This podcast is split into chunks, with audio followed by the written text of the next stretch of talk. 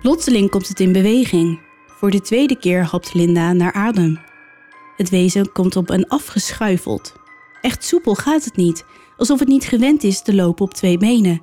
Rijden, Roger, zegt Steve. Kom op, wegwezen. Ik heb een ambulance nodig. Mijn ingewanden zijn net uit mijn buik gesprongen. Ze zijn eruit geblazen. Ja, ze zijn op mijn buik. En dan zegt de operator: Oké. Wat Ze liggen op je buik. Steven zegt: Ik heb vreselijke pijn. Operator: Hoe is dit gebeurd? Steven: Het gebeurde gewoon. Ik werd wakker. Ik werd gewoon wakker.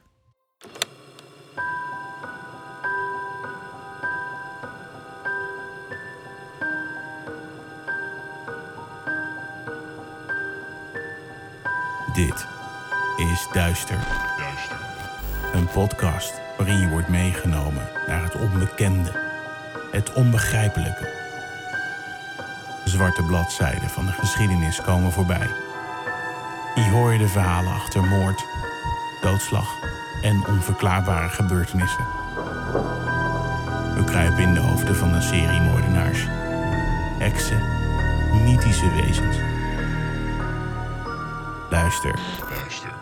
En huiver naar duister.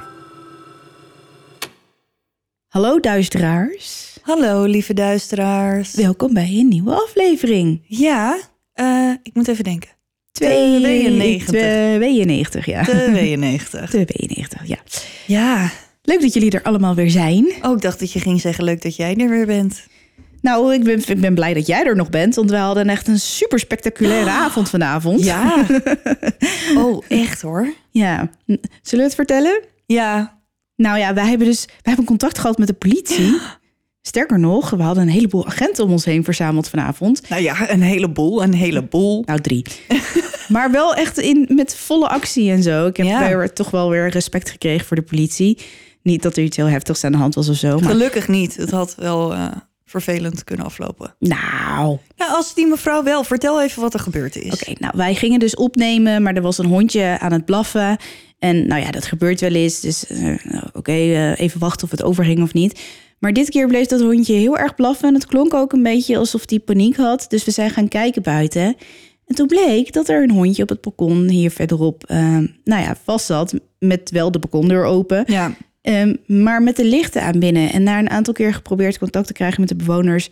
Lukte niet. Eh, wat mensen, eh, omwonenden, die kwamen ook kijken van... joh, wat is er aan de hand?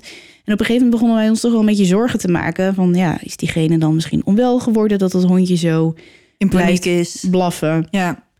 Dus nou ja, uiteindelijk hebben we de politie gebeld. Geen spoed, wel politie. nou, die kwam op zaterdagavond. Vond ik Ja. wel bijzonder. Want ja, vuurwerk en eh, nou ja, ze hebben wel betere dingen te doen. Ja. Maar hey, er kwam een agent en hij was heel aardig en eh, had ook wel humor. Dus nou, was, we hadden het heel wel leuk. Ja. En, maar op een gegeven moment zei hij, ja, ik wil toch wel even binnenkijken. Want ja, voor hetzelfde geld is er Ja, wel en een aan de hand. balkon, balkon was op de eerste verdieping. Ja, en het was ook niet zo heel hoog. Dus, maar hij was wel wat ouder en hij zei, nou weet je wat? Ik ga twee jonge collega's optrommelen. Ik haal een ladder op het bureau en dan kom ik terug. En dan gaan we dit even fixen. Nou, zo gezegd, zo gedaan. Ja. Daar kwamen ze. De ladder en de lenige. Ja, ja, Hij had een of andere rare uitschuifladder. ja. En ze moesten eerst bij de buren op het balkon klimmen. En die eerste agent die ging over de reling heen. En toen klapte het eerste treedje in. Nou, dat ging net goed. ja. En die tweede die ging er achteraan. En eh, nou, toen ging in één keer zo die ladder zo tak, tak, tak dicht. Ja, dus was- die kon zichzelf. Maar op het moment dat dat gebeurt, gaat dus de deur open van, de, van het balkon van de buren. En er komt echt zo'n meneer en die doet zo de deur open. En die denkt echt, Wat gebeurt hier? Maar hij zei ook helemaal niks. Nee, maar hij schrok ook niet. Nee. Als er bij mij op mijn balkon ineens een agent die staat en die roept... eh, politie, Die maak jezelf bekend. ja. Dan denk ik, wow, wat is hier aan de hand? Maar Ja. deze man die dacht echt, oké, doei. Ja, ik ga mijn tanden poetsen. Ik zou met de tandenborstel lopen. Ik dacht echt, nou, als dat gebeurt, dan denk je, waar, waar- moeten we evacueren? Ja, is er brand? Is er brand? Is er. Wordt er geschoten? Deze man was niet onder de indruk. Nee, nee. Maar goed, uiteindelijk bleek dus dat er niemand thuis was bij dat hondje thuis. Mhm. Dus ze hebben het hondje ehm, binnengelaten en de deur op slot gedaan. En ze wilden ook niet meer met de ladder naar beneden. Nee. En ze konden via de voordeur eruit. Dus ze zeiden, weet je wat we doen? We doen de deur gewoon dicht en op de knip. Ehm, en dan komen we wel via de voordeur naar buiten. Maar toen zei die wedden, dan worden we vannacht gebeld als die mensen thuiskomen dat er ingebroken is. Want wie heeft er de hond binnengelaten en de, En de deur slot? gedaan. Dan ben je wel chillen. Een omgekeerde inbreker ja. doet. ja. Nee, maar ze gingen er melding van maken. En eh eind goed, al goed. Hulde aan de politie dat ze toch ook voor dit soort kleine dingetjes gewoon komen. Dus ehm, mocht je toevallig agent zijn en je bent vanavond bij een blaffende hond geweest, dankjewel. Ja. D- wij waren het. Ja, maar het, het was wij. Het was wij. Oké, Kim. Inmiddels hebben wij het hele seizoen van Pokerface gekeken op Sky Showtime. En ik ben eigenlijk wel benieuwd welke aflevering nou jouw favoriet is. Oh jeetje. Ehm, ik vond aflevering 5 heel erg leuk. Eh, dat is die aflevering dat Charlie in een bejaardentehuis werkt en Oh ja. vrienden wordt met die twee oude dames. En die deden me een beetje aan ons denken. Alleen zitten wij niet in een cult en zouden we nooit iemand vermoorden. Ehm, maar voor de rest zag ik wel overeenkomsten. Ja, wel een beetje, ja. Ik snap wat je bedoelt. Voor nu nemen we even afscheid van Charlie. Maar dat betekent niet dat we niets meer te kijken hebben. Want ik zit inmiddels helemaal in de Aliens, eh, de Midwich Cuckoos. En ik heb mijn kijklijst al behoorlijk aangevuld. Het is een beetje jammer dat ik niet alles tegelijkertijd kan zien. Oh, jij ook al? Ja, Ja, want we hebben natuurlijk net Spooktober achter de rug. Dus ik heb lekker gegriezeld met alle horrorfilms. Ehm, zoals de exclusieve Sky Showtime film Knock at the Cabin. oh cool. Ja, was heel spannend. Gelukkig hebben ze ook een groot aanbod met comedy... zodat ik voor het slapen gaan nog iets luchtigs kon kijken. Want anders dan, hè, dan lig je zo in je bed. Ja, met je ogen open met, ja. Ja. Ehm, nou, ik vind dat ze best wel een divers aanbod hebben met veel goede series en films. En die zie je alleen op Sky Showtime. En de app is lekker overzichtelijk. Dus het duurt echt niet lang voordat je je nieuwe favoriet gevonden hebt. Ook voor kleine duisteraars is er genoeg om te kijken. Ehm, die van ons zijn nu nog een beetje te klein... maar ik kan niet wachten tot ze groot genoeg zijn om... Are You Afraid of the Dark met me te kijken. Ja, cool. En tot die tijd vermaken we ons met een van de andere series... die Sky Showtime te bieden heeft. Ga jij Charlie, net als wij, een beetje missen? Maakt niet uit, niet getreurd. Er komt namelijk een seizoen 2. Yes. Dus wil jij Pokerface of een van de andere films of series kijken, of een Hollywood blockbuster of een documentaire, kan allemaal. Download dan nu de app. Sky Showtime heeft van 30 oktober tot en met 27 november een landelijke actie, namelijk drie maanden Sky Showtime voor maar 3,99 per maand. Daarna geldt de reguliere prijs van 6,99 en is maandelijks opzegbaar. Dus doen hè, een heel, veel kijkplezier. Oké, Daf. Dan is het zover. Ja, Ben je er klaar voor? nou, ik denk het wel. Weet je het zeker? ja, het is wel, het is wel een. eh, Wordt het leuk? nou ja, leuk hè? Nou, ja, ik denk het wel. Wordt het eng? Het is, nee, nou, nee. Nou, ik, nee. Niet teleurgesteld wezen allemaal, maar het is een, een luchtig verhaal van mijn kant. Het is wel leuk, denk ik. Oké, ik ben heel erg benieuwd. Dus take it away. Oké.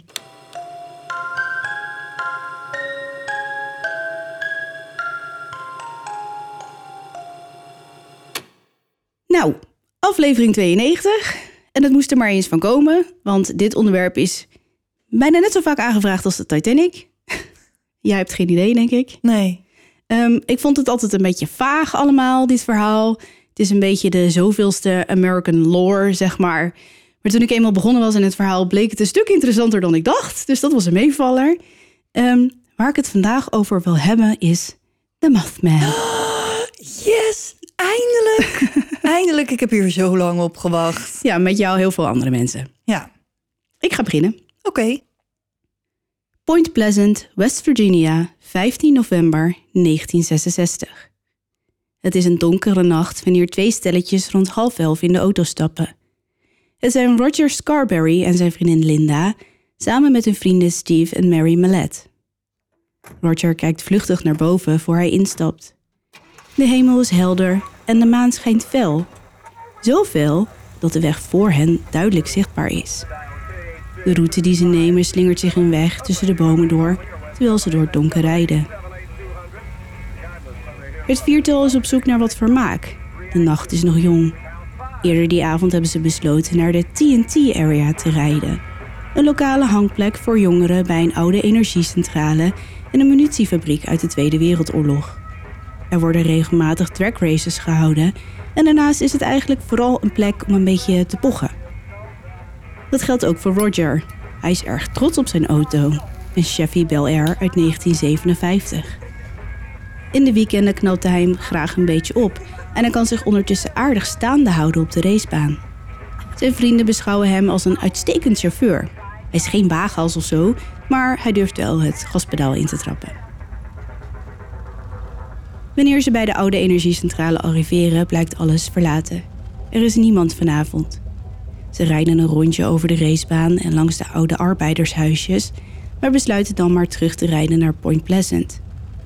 Zodra Roger de bocht maakt en de Bel Air door het verroeste oude hek rijdt, hoort hij Linda naast zich naar adem happen en ziet hij wat zij ook ziet. Midden op de weg staat een grote, donkere schaduw. Twee roodgloeiende ogen staren naar hen vanuit de duisternis. Roger trapt hard op de rem. Met een schok komt de auto tot stilstand. Wat is dat?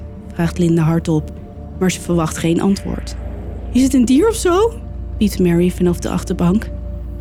Linda schudt langzaam haar hoofd terwijl ze naar de gloeiende ogen staart. Wat daar op de weg staat is geen dier. Het lijkt eerder op een mens. Het is donkergrijs van kleur en in het licht van de koplampen lijkt het bedekt met een soort leer. Het heeft in ieder geval armen en benen. Plotseling komt het in beweging. Voor de tweede keer hapt Linda naar adem. Het wezen komt op en afgeschuifeld. Echt soepel gaat het niet, alsof het niet gewend is te lopen op twee benen. Rijden, Roger, zegt Steve. Kom op, wegwezen. Roger, die haast betoverd lijkt door de rode ogen van het wezen, kan zijn blik er maar met moeite van afwenden. Pas wanneer Linda hem een por geeft met haar elleboog, komt hij bij zijn positieve. Hij trapt het gas in en de motor van de auto brult, terwijl hij tegelijkertijd naar voren schiet. Slippend draait Roger de weg op, weg van het wezen. Terwijl hij dat doet, klinkt achter hem een vreselijk luid en ongelooflijk schel gekrijs, bijna alsof er een vogel vermoord wordt.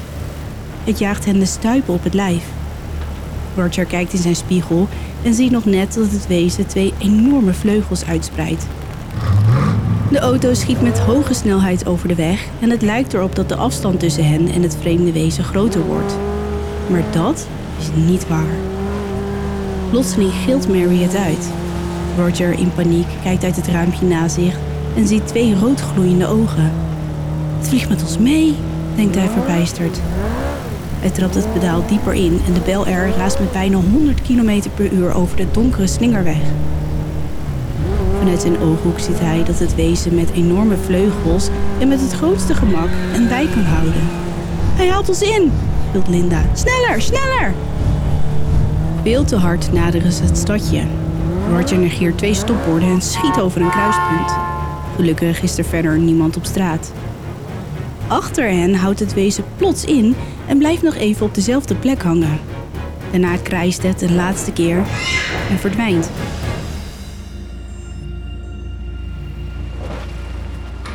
Hij is weg, zegt Steve, terwijl hij achterom kijkt door de achterruit. Zag je dat? Een dode hond, vervolgt hij, terwijl Roger vaart mindert. Ze stoppen langs de stoep en gauw zet Roger de motor af. Alle vier springen uit de auto en rennen naar het Mason County Courthouse, waar ook het kantoor van de sheriff zit. Vol adrenaline tuimelen ze nog net niet over elkaar het kantoor binnen. Plaatsvervangend sheriff Millet Halstead kijkt op van zijn papierwerk en ziet meteen hun paniek. Hij luistert naar het verhaal van de vier en besluit hen serieus te nemen. Deze jongeren hebben nog nooit problemen veroorzaakt en zijn duidelijk ergens van geschrokken. Millard stelt voor om met hem mee terug te rijden naar de TNT-area om te kijken of daar, nou ja, echt wat aan de hand is. Met z'n vijven lopen ze naar buiten. Steve, Roger, Linda en Mary stappen weer in de Bel Air, terwijl Sheriff Halstead in zijn patrouillewagen stapt. Ze starten de motoren en gaan op weg. Vlak voordat ze Point Pleasant uitrijden, merkt Steve op dat de dode hond, die net nog langs de weg lag, verdwenen is. Roger negeert hem, terwijl hij zijn blik strak op de weg houdt. Hij wil het niet toegeven, maar eigenlijk is hij doodsbang dat het wezen plotseling weer voor hen op de weg zal staan. Dat gebeurt niet en ook bij de oude energiecentrale lijkt er niets geks aan de hand. Sheriff Halstead zet zijn wagen stil en pakt zijn zaklamp. Hij loopt een klein rondje en scheidt met zijn lamp over de boomgrens. Roger volgt de lichtstraal met zijn ogen. Daarna loopt de sheriff terug naar zijn auto en pakt zijn politieradio. Zodra hij het knopje indrukt, klinkt er een luid, schel gekruis vanuit de radio.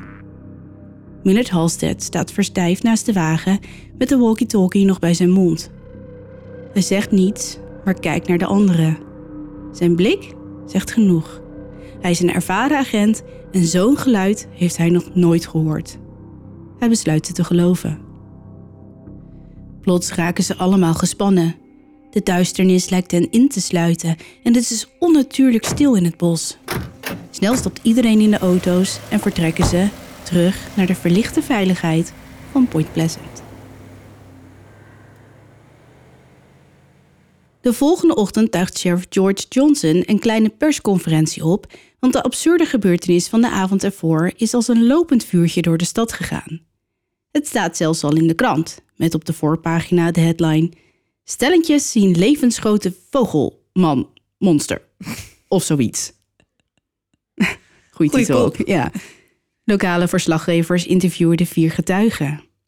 Mevrouw Mary Heyer stuurt het verhaal door naar de Associated Press en die avond is het hele land op de hoogte van de vogelman.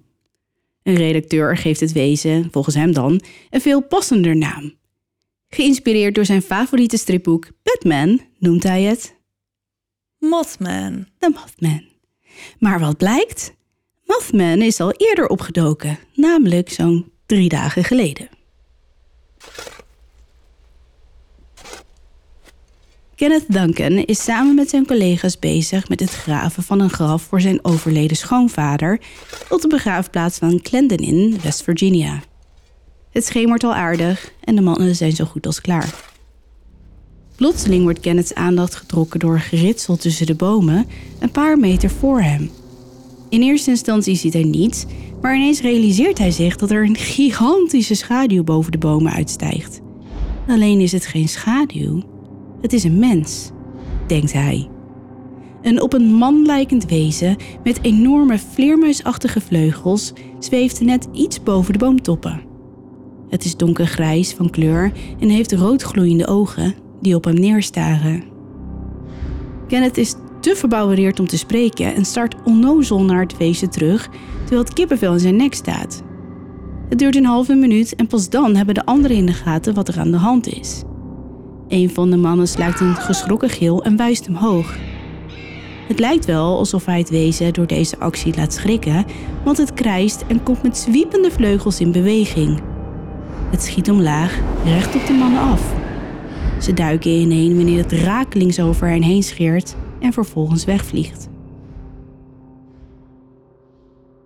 Later die avond, thuis op de veranda en aan een biertje, hebben de mannen het er nog over. Geen van hen kan bedenken wat het nou was geweest, en ze zouden het hele voorval vergeten zijn als hetzelfde wezen niet drie dagen later overal op het nieuws verschijnt. 16 november. Point Pleasant raakt langzaam maar zeker overspoeld door verslaggevers van kranten, nieuwszenders en magazines. Iedereen staart naar de lucht in de hoop een glimp van Mothman op te vangen. Het echtpaar Raymond en mevrouw Bennett, samen met haar baby, zijn degenen die hem daadwerkelijk zien op slechts een paar kilometer afstand van de TNT-fabriek. Ze zijn gezamenlijk op weg naar het huis van Ralph Thomas om daar een beetje bij te praten over alle commotie. Wanneer mevrouw Bennett uit haar auto stapt en de baby uit het zitje haalt, hoort ze plots een geluid achter haar. Vanuit de duisternis ziet ze een mensachtige gestalte omhoog komen. Twee rode ogen lichten op en gigantische vleugels vouwen zich achter het wezen vandaan. Mevrouw Bennett kreunt en laat van schrik de baby uit haar handen glijden. Het gaat gelukkig niet hard, maar het kind begint te huilen. Ze hoort het niet en staat bevroren van angst aan de grond genageld. Het wezen begint op haar af te komen, maar ineens wordt ze bij haar schouders gegrepen. Het is Ralph Thomas die de baby grijpt en meneer Raymond die haar meesleurt. Gezamenlijk rennen ze struikelend naar het huis, smijten de deur achter zich dicht en schuiven meteen het gezwaar dat in de gang staat ervoor. Met z'n allen staren ze naar de deur, maar ineens begint de vrouw van Ralph te gillen. Door het raam bij de keuken zien ze twee roodgloeiende ogen naar binnen staren. Ralph rent naar de woonkamer en belt de politie. En daarna blijft het oorverdovend stil, maar er is niemand die buiten durft te gaan kijken. Enige tijd later horen ze de auto van de sheriff aankomen rijden. Na een inspectie rondom het huis lijkt het wezen verdwenen. Op 20 november rijden vijf jongeren in hun auto ter hoogte van Campbell's Creek wanneer ze in het gele gelicht van de koplampen plotseling de Mothman langs de weg zien staan. Ze stoppen, totaal niet wetende wat te doen, maar ineens tot hun grote opluchting stijgt het wezen langzaam op en vliegt weg. Hij was niet aan het liften. Nee. Nog eens twee dagen later krijgt een wat oudere zakenman de schrik van zijn leven als Mothman onverwacht op zijn oprijlaan staat. De man heeft een geluid gehoord en is gaan kijken en nu staat hij oog in oog met het wezen. Het duurt een paar minuten en voelt als een eeuwigheid, maar dan draait Mothman zich om en verdwijnt in de duisternis. Al die tijd voelt de man zich in zijn greep gehouden terwijl hij in die felrode ogen staart. Hij keert uiteindelijk zo wit als een doek naar zijn vrouw terug, die vervolgens denkt dat hij een hartaanval heeft. Mevrouw Foster is de enige die het wezen van zo dichtbij ziet dat ze zijn gezicht kan zien. Op de avond van 26 november staat hij plotseling in de voortuin terwijl zij het vuilnis buiten zet. Ze schrikt zich de kleren, maar weet later wel een goede beschrijving te geven. Hij was groot, groter dan een gemiddelde lange man, en het leek wel alsof hij met leer bedekt was, bijna alsof hij een pak aan had. Zijn armen waren lang en aan zijn handen groeiden lange, scherpe klauwen. Zijn gezicht was klein, maar het had geen snavel of andere vogelachtige kenmerken. Het enige wat erg opviel waren die ogen. Mevrouw Foster had een stapje achteruit gedaan toen Mothman langzaam zijn vleugels uitspreidde. Volgens haar hadden ze een spanwijdte van wel 4 meter als het niet meer was. Zonder af te wachten wat er ging gebeuren, was ze naar binnen gerend en had haar man gehaald om te komen kijken, maar toen ze terugkwamen, was het wezen al lang verdwenen.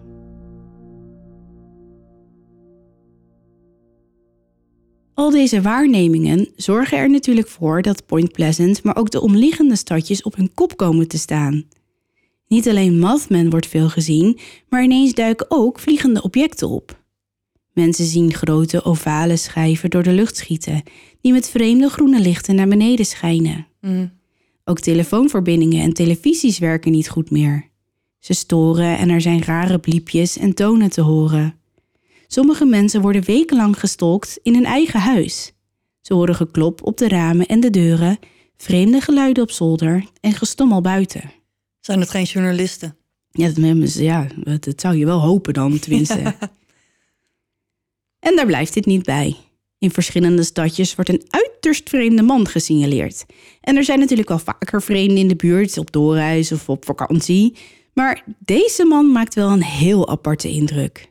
Hij is heel klein en beweegt erg houterig, alsof hij pas geleden ontdekt heeft hoe hij zijn benen moet gebruiken. Als een veulentje. Ja, Bambi. Zijn stem is hoog en zijn haar lijkt wel op zijn hoofd geplakt, alsof zijn pruik verkeerd om zit. Mevrouw Mary Hire is de eerste die hem daadwerkelijk spreekt. Ze is tot laat aan het werk in haar kantoor tegenover het gerechtsgebouw in Point Pleasant wanneer haar deur opengaat van haar kantoor en er een klein mannetje binnenstapt. Hij is ongeveer 1,46 meter lang en hoewel het buiten maar een paar graden boven nul is, draagt hij niets anders dan een blauw overhemd met korte mouwen en een blauwe broek van dun uitziend materiaal. Zijn ogen zijn donker en liggen diep in hun kassen. Ze worden nog eens extra verstopt door een bril met jampotglazen. Hij draagt vreemde schoenen met dikke zolen die waarschijnlijk een paar centimeter aan zijn lengte toevoegen. Met een zacht, hoog stemmetje vraagt hij haar de weg naar Welch, West Virginia, een stad in het zuidoostelijke puntje van de staat. Eerst denkt Mary dat hij een vorm van spraakgebrek heeft, want de manier waarop hij sommige woorden uitspreekt is heel bizar, alsof zijn tong niet weet hoe het moet samenwerken met zijn lippen. Mm. Zijn ogen blijven vastberaden op haar gericht, op een vreemd hypnotiserende manier. Terwijl hij steeds een stapje dichterbij komt, vertelt hij een onsamenhangend verhaal over het kapotgaan van zijn truck in, zoals hij het zegt, Detroit, Michigan. en ik neem aan dat hij Detroit, Michigan, Michigan, ja. bedoelt, maar hij zegt dus Detroit, Michigan. en hij is helemaal daar vandaan komen liften. Mary blijft zich maar verbazen over zijn vreemde uitspraak. En plots merkt ze het op. Het mannetje staat ineens nog maar een paar centimeter van haar vandaan en ineens wordt ze bang. Straks is deze man een ontsnapte gek of zo. En ze gooit haar stoel naar achter en rent naar het kantoor van haar collega, maar die is al naar huis. Maar gelukkig komt ze wel de manager op de gang tegen. Altijd fijn.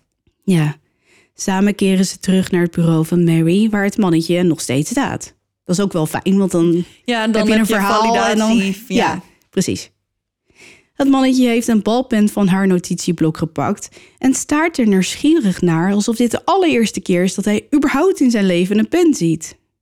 Zonder dat hem iets gevraagd is, begint hij plots allemaal feitjes over West Virginia op te noemen, dingen die Mary en de manager niet eens wisten. Ineens overhandigt het mannetje haar de pen, maar Mary weigert en zegt dat hij hem wel mag houden. Hij kijkt haar aan, stoot een hoog giechelend lachje uit, draait zich dan abrupt om en rent een soort van huppelend het kantoor uit, de donkere nacht in, Mary en de manager verbijsterd achterlatend. Nou, daar zou ik ook wel van staan te kijken. Ja, dat is wel zo'n verhaal dat je op feestjes vertelt. Wat mij nou is overkomen, Ja, gewoon de combinatie van alles. Ja. beetje zoals wij vanavond. ja. Twee dagen later wordt Tiny, zoals het mannetje door inwoners nu genoemd wordt, gespot terwijl hij voor de Point Pleasant Diner staat. Rond vijf uur in de avond zit Mabel McDaniel, een groot menselijk lijkend wezen, laag heen en weer vliegen. Het scheert vlak over het mannetje heen dat onbewogen stilstaat. Het lijkt hem totaal niets te doen dat er een enorm wezen met vleugels van een spanwijdte van 4 meter breed over hem heen Vliegt. vliegt. Waar norm- normaal mensen natuurlijk wel Ja, even van schrikt, staat te kijken. ja. Ja. En er verschijnen meer mannetjes. Ze gedragen zich allemaal even vreemd. De meeste, in tegenstelling tot Tiny, dragen een zwart pak. Hun haar zit altijd strak naar achter en is pas geknipt. Ze dragen allemaal schoenen met dikke zolen, een zonnebril en rijden in zwarte auto's. De Man in Black? Ja. Meestal stellen ze vreemde vragen of bellen ze zomaar ergens aan. Het lijkt dan alsof ze op zoek zijn naar informatie en ze komen telkens met een nieuw verhaal. Dat ze bijvoorbeeld zijn gestuurd door een notaris, omdat er een of andere rijke oom een som geld heeft nagelaten. Maar als er dan navraag wordt gedaan, blijkt er helemaal niets van die verhalen te kloppen. En zoals jij al zei, de inwoners van Point Pleasant beginnen zich af te vragen of dit dan de beruchte Men in Black zijn. Zij duiken vaak ineens op als er zich alienachtige activiteiten voordoen en er dus sporen gewist moeten, Moeten worden. worden.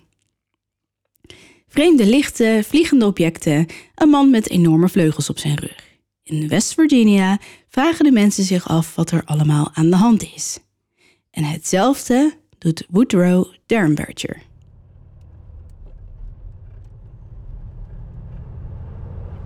Op 2 november rijdt hij door de pikzwarte nacht naar huis als hij door een suizend donker object wordt ingehaald. Woodrow, of Woody, trapt op de rem en de auto komt met piepende banden tot stilstand. Zo'n 20 meter voor hem zweeft een enorm object, ongeveer een meter van de grond af. Het heeft de vorm van een gigantische donkergrijze schoorsteen en er straalt een zacht groen licht vanaf. Woody heeft geen idee wat voor ding dat is. Plotseling stapt er een man uit de schoorsteen. Hij is er gewoon ineens. Wacht even. Hij stapt uit de schoorsteen? Ja, en het is echt een soort van poef. En ineens stapt er dus een man uit dat ding. Ja, het is geen schoorsteen, het lijkt op een schoorsteen. Ja, als de kerstman. Ja, ja.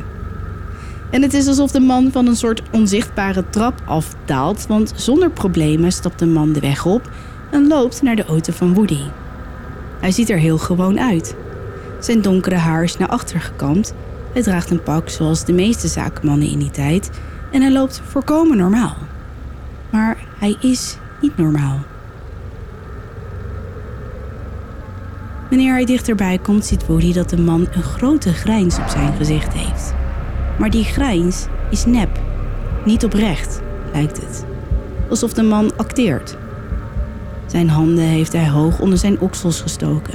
En het is echt een idioot gezicht. En dan begint hij te praten, maar Woody krijgt de schrik van zijn leven. De lippen van de man bewegen niet. Hij staat daar met die absurd grote grijns, terwijl de stem van de man in Woody's hoofd klinkt. Wees niet zo bang, zegt de man. Rol je raam maar even naar beneden. Verbijsterd doet Woody wat de man hem opdraagt. Ik weet hoe je heet hoor, zegt de man, nog steeds in Woody's hoofd. Ik ben Indrid Colt. Je hoeft niet bang te zijn. We willen je geen kwaad doen. Ik kom van een land dat veel minder macht heeft dan het jouwe. Ik slaap, eet en bloed, net zoals jij. We doen juist niks hoor. Het enige wat we van je verlangen is dat je deze ervaring met de wereld deelt. En dat is precies wat er gebeurt. Woody Darren Berger rijdt na zijn ontmoeting met Indrid Colt naar huis. Zijn vrouw hoort zijn verhaal aan en maakt zich zorgen. Ze probeert hem over te halen naar het Parker Burks politiebureau te gaan en uiteindelijk luistert Woody naar zijn vrouw en stapt weer in de auto. Bij het politiebureau wordt hij de halve nacht ondervraagd door agenten die contact opnemen met de Wright-Patterson Air Force Base in Dayton, Ohio. De volgende ochtend is zowat heel West Virginia op de hoogte van de bizarre gebeurtenis en tegen de avond is het zelfs nationaal nieuws. Woody wordt daarna live geïnterviewd door de televisiezender WTAP. En na dat interview komen er ineens heel veel mensen naar voren die allemaal een soort gelijke ervaring hebben gehad. Met zo'nzelfde soort man. Ja. Ze heten alleen niet allemaal Indrid Gold. Oké. En ik heb een interview, of ik heb eigenlijk dit interview. Mhm. Ik zal het posten en dan kun je het kijken. Het is wel heel erg op zijn ouderwets Amerikaans. Ja. Zijn er ook vrouwen die zo raar zijn? Of zijn het alleen maar mannetjes? Eh, wat ik heb gelezen zijn het alleen maar mannetjes. Hm. Teleurstellend. Ja, sorry. Begin december nemen de Mothman-waarnemingen plots weer toe. Tientallen mensen zien hem op dagelijkse basis. De politie wordt helemaal lijp van al die meldingen, maar telkens als ze op een oproep afkomen, zijn ze te laat. Hoewel Mothman ongevaarlijk lijkt voor mensen, moeten veel kleine dieren het met de dood bekopen. Opvallend veel huisdieren verdwijnen of worden half geslacht teruggevonden. Telkens wanneer het wezen gesignaleerd wordt, eindigt er later ongetwijfeld iemands huisdier dood langs de kant van de weg. En helaas overkomt dit ook Bandit, de grote Duitse herder van Newell Patridge.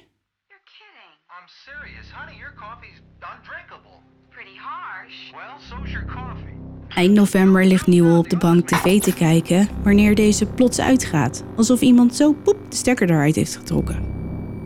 Meteen klinkt er een hele hoge toon en iets wat lijkt op een opstartende generator. Buiten op de veranda begint Bandit als een idioot te blaffen. Newell, gealarmeerd, pakt zijn zaklamp en trekt zijn schoenen aan. Snel loopt hij naar buiten om de boel te inspecteren. Bandit staat aan het einde van de veranda, zijn voorpoten naar voren gericht, met zijn kop laag en zijn oren naar achter. Newell schijnt met zijn lamp in dezelfde richting en schrikt zich de kleren. In de lichtstraal doemen ineens twee gloeiende rode ogen op, niet eens zo heel ver bij hem vandaan, in het veld voor het huis. Bandit blaft en stuift weg. Newell wil achter hem aangaan, maar wordt overvallen door een intense angst. Het is zo heftig dat het voelt alsof iemand zijn borst samenknijpt. In plaats van Bandit te zoeken, draait hij zich om, grijpt zijn geweer en gaat naar bed. De volgende ochtend bij het opkomen van de zon gaat Newell naar buiten om zijn hond te vinden. Al snel ziet hij sporen die naar het midden van het veld leiden. Na ongeveer 50 meter houden ze plots op. Het enige wat Newell ziet is een kleine cirkel van pootafdrukken, alsof de hond zijn eigen staart heeft achtervolgd. Van Bandit zelf is geen enkel spoor meer. De Duitse herder is verdwenen. Nee, niet Bandit. Ja, wel Bandit. Hij wordt ook nooit meer teruggevonden. Ook niet dood. Dus Oh, ja, wat een ellende. ja. Ja, dat klopt. Wat? In een game. Oh, heb je ook een Bandit verhoord? Ik had mijn paard Bandit genoemd, maar ik stortte van een berg en toen was hij dood. Nee, Daphne. Ja, sorry. Dus nu ben ik de paardenvermoorderaar. Vermoordenaar? Het was ook niet de eerste. Horsekiller. Ja, maar niet expres. Ik hou van mijn paarden. Maar ik wist niet dat daar een afgrond was. Nou, daar ging ik. Oké. Mede door deze en andere slechte ontmoetingen wordt Mothman gezien als een slecht voorteken. Telkens wanneer hij gesignaleerd wordt, is er wel iets aan de hand. Vreemde lichten worden aan de hemel gezien of vliegende schotels. Misschien is het Mothman wel die de mensen van West Virginia iets duidelijk probeert te maken. Of werkt hij juist samen met buitenaardse wezens en is hij er alleen maar ter afleiding van wat zij eigenlijk van plan zijn? Nou, dat werkt dan niet echt. Nee. Op een zeker moment wordt er zelfs gedacht dat er een soort van portaal is waar Mothman gebruik van maakt om weg te komen. Want hoe anders kan het dat niemand weet waar zijn schuilplaats is of hoe je überhaupt een Mothman vangt? Komt hij niet op het licht af? Nee. Jammer. Dat zou mooi zijn. Op 14 december wordt er door heel West Virginia en de staat Ohio meer dan 300 keer naar de politie gebeld door mensen die beweren de Mothman te hebben gezien. Het grote aantal telefoontjes haalt zelfs het nationale nieuws. De stemming onder de mensen is voelbaar grimmig, alsof er iets staat te gebeuren. Kerst nadert, maar niemand is eigenlijk echt opgetogen. En op 15 december gebeurt waar iedereen onbewust bang voor was. Het is rond 5 uur in de middag en het verkeer staat al sinds twee uur muurvast. Het zware geronk van motoren, er klinken toeterende auto's en middelvingers worden geërgend opgestoken. US Route 35 verbindt Point Pleasant met Gallipolis, een stadje aan de andere kant van de Ohio River door middel van een brug, met als bijnaam de Silver Bridge vanwege zijn zilverkleurige verf. Origineel. Ja. Aan de Gallipolis-kant van de brug is de drukte ontstaan wegens een dienstweigerend stoplicht dat op groen is blijven staan. Verkeer uit meerdere richtingen kan geen kant meer op en wordt min of meer geforceerd om de brug over te steken, om vervolgens aan de andere kant geconfronteerd te worden met een stoplicht dat al uren op rood staat. Aha. De brug is beladen met zware vrachtwagens en lange rijen langzaam rijdende auto's. Aan de zijkant van de weg, op de stoep, bevinden zich enkele voetgangers die met zware tassen vol met kerstinkopen sjouwen. Het begint al aardig te schemeren en de Ohio River die onder hen doorkolkt, steekt donker af tegen de horizon. Plotseling klinkt er een vreemd, hard, ijzingwekkend gegil. Het is alleen geen gegil, het is het bizarre gekreun van brekend metaal. De elektriciteitskabels boven de auto's beginnen één voor één te knappen en zorgen voor een regen van vonken. En alsof het niets is, stort zonder enige waarschuwing het middelste gedeelte van de brug met een bulderend geraas naar beneden. Zo'n 60 auto's belanden in de rivier, terwijl er enkele tonnen aan staal bovenop hen terechtkomen. Ooggetuigen beschrijven later de ramp. Mary Hire staat aan de Point Pleasant kant in de drogisterij wanneer plots het licht even flikkert. Daarna hoort ze een oorverdovende knal en het geluid alsof er een jumbojet laag overvliegt. Een kerstboomverkoper laat van ongeloof de boom die hij vasthoudt los wanneer de brug als een kaartenhuis in elkaar stort. Hij staart naar haar moeder in het water die haar kind boven zich uit probeert te houden. Godzijdank is daar al snel een bootje die de twee uit het water vist. Charlene Wood rijdt vermoeid en hoogzwanger van haar werk bij een kapsalon naar huis. Ze belandt in de verkeerschaos rond 5 uur en rijdt met een slakkengangetje de brug op. Plotseling voelt ze dat de brug hevig begint te trillen. Charlene handelt gelukkig snel en gooit haar auto in zijn achteruit. Het is maar anderhalve meter, maar het is genoeg. De auto voor haar verdwijnt in de diepte. Frank Wemsley zit in zijn vrachtwagen als hij de brug voor hem plotseling scherp ziet kantelen. Voor hij het weet belandt hij met vrachtwagen en al in de rivier. De zware cabine zinkt snel en begint zich met water te vullen. Het wordt donker om hem heen en Frank begint in paniek te raken. Gelukkig is tijdens hun val het zijraam opengebarsten en weet hij zich een weg naar buiten te banen. Helemaal zonder kleerscheuren komt hij er niet vanaf. Sterker nog, Frank mag van geluk spreken dat hij nog leeft. Eenmaal boven wordt hij meteen door een bootje uit het water gevist. En pas dan merkt hij dat hij zijn benen helemaal niet kan bewegen. Later in het ziekenhuis blijkt zijn rug gebroken. De nacht begint te vallen en het wordt nu snel donker. Aan alle kanten komt hulp op gang. Bootjes met zoeklichten varen af en aan. Inwoners van zowel Point Pleasant en Gallipolis staan op de oevers van de rivier om mensen uit het water te helpen. De meesten zijn in complete shock en hebben onmiddellijke hulp nodig. Er wordt heen en weer gereden naar het ziekenhuis. Familieleden worden opgepikt en het verlies wordt geïnventariseerd. Het dodental blijft rond middernacht steken op 46. Negen raken gewond en twee mensen worden nooit meer teruggevonden. De verschrikkelijkheid van het drama is moeilijk te omvatten. En volgens velen is er maar één schuldige. Meerdere mensen verklaren Mothman vlak voor het ongeval gezien te hebben. Hij zat schijnbaar op een van de grote pilaren van de brug. Ook zagen getuigen enkele vliegende schotels in formatie overvliegen vlak voor het moment van de ramp. Allemaal leuk en aardig, maar er zijn ook mensen die er anders over denken. Mothman is niet de veroorzaker van de ramp, nee, hij heeft de mensen juist willen waarschuwen. Welke van de twee het ook was, pas jaren later blijkt wat de echte veroorzaker was. Een defect in een van de schakels van de brug. Met de jaren ontstond er een kleine scheur door wrijvingsslijtage. Dat veroorzaakte interne corrosie, een probleem dat bekend staat als spanningscorrosie. De scheur was slechts 2,5 mm diep toen de verbinding het begaf en de brug naar beneden stortte. En omdat alle brugdelen ook nog eens met elkaar in evenwicht waren, was een instorting van de hele constructie onvermijdelijk. En nadat het eerste deel ging, was het daarna een soort van Domino-effect. domino day. Beetje dat dus. Ja. Ieder jaar op de dag van de ramp worden de slachtoffers herdacht, maar er is ook ieder jaar het Mothman Festival. Festival. Het schijnt heel gezellig te zijn. Ja. En tot slot, er zijn heel wat boeken geschreven, films gemaakt, artikelen verschenen over de Mothman, maar wist je dat er ook een liedje over hem bestaat? Nee. Nou, luister maar even mee.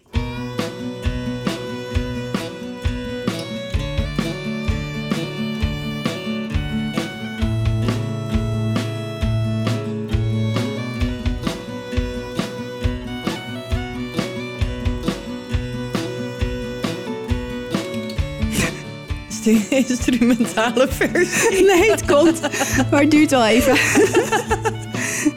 nou, hou je vast. Groot spektakel.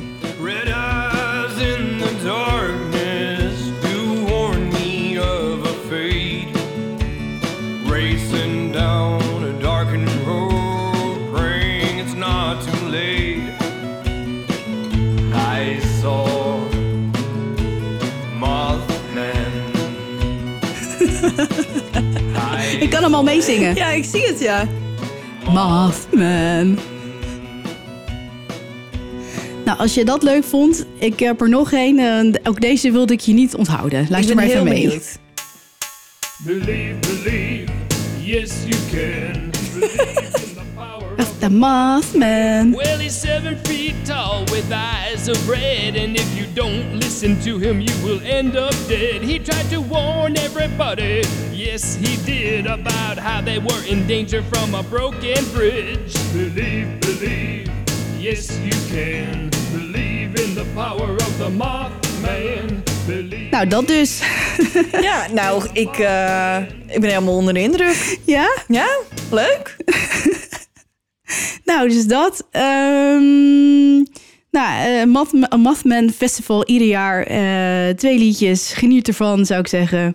Ja, en ik wil hier even... ehm And That's Why We Drink. Een van mijn favoriete podcasts met Em en Christine. Ehm, zij zijn echt Modman superfan. Oh ja? Ja, en Christine heeft ook een Modman tattoo. Oh?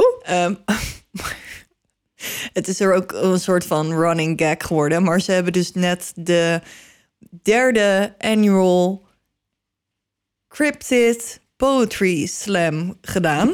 oh, En dan schrijven dus, zeg maar, luisteraars gedichten over cryptids. oh. Maar de eerste was echt voornamelijk over Mothman. oh dat klinkt echt dus heel erg leuk. Over oh, cryptids. En Kunnen wij dat ook niet doen?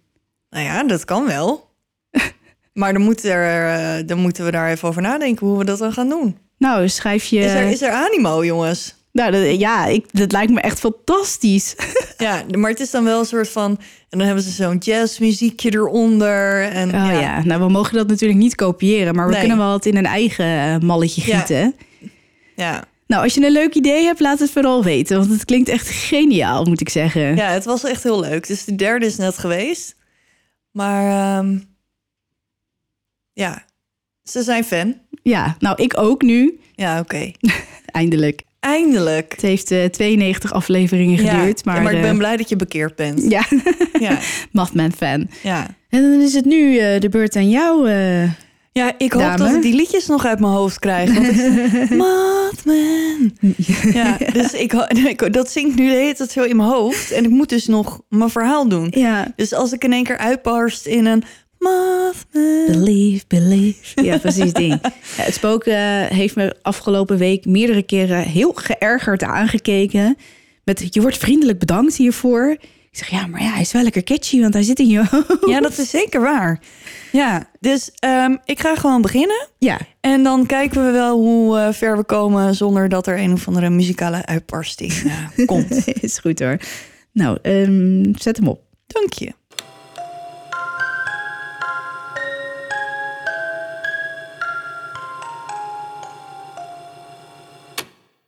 Jij zei van tevoren al dat jij wat langer zou zijn. Ehm, dus toen dacht ik, oké, dan ga ik ook niet super lang. Ehm, ik ben niet heel kort, maar ik ben misschien niet zo heel erg in detail overal op ingegaan als dat ik normaal zou doen. Ehm, dus als je zo meteen dit verhaal gaat zoeken en je denkt, Huh? huh, maar dit heeft ze helemaal niet verteld, dat kan kloppen. Want ik moest iets korter en bondiger, maar alle hoofdlijnen zitten er als het goed is in. Oké, Dus goed dat je het zegt. ja, dat niet iemand zo meteen denkt van, is heel raar dat Ja. de helft van het verhaal mist. Ehm, dus bij deze disclaimer hebben we dan gehad. En dan gaan we echt beginnen. Celeste Johnson komt oorspronkelijk uit Californië en wordt op 19 februari 1963 geadopteerd door Edwin en Nancy Johnson. Ze heeft een moeilijke jeugd waarbij ze door haar vader fysiek en seksueel misbruikt wordt. Op een gegeven moment wordt het haar te veel en probeert ze ergens in haar tienerjaren haar eigen leven te nemen. Later krijgt ze een relatie met Greg Bradsher.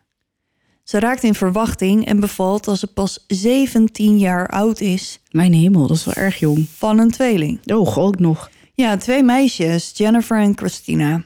Ze verlooft zich met Greg en uiteindelijk trouwen ze.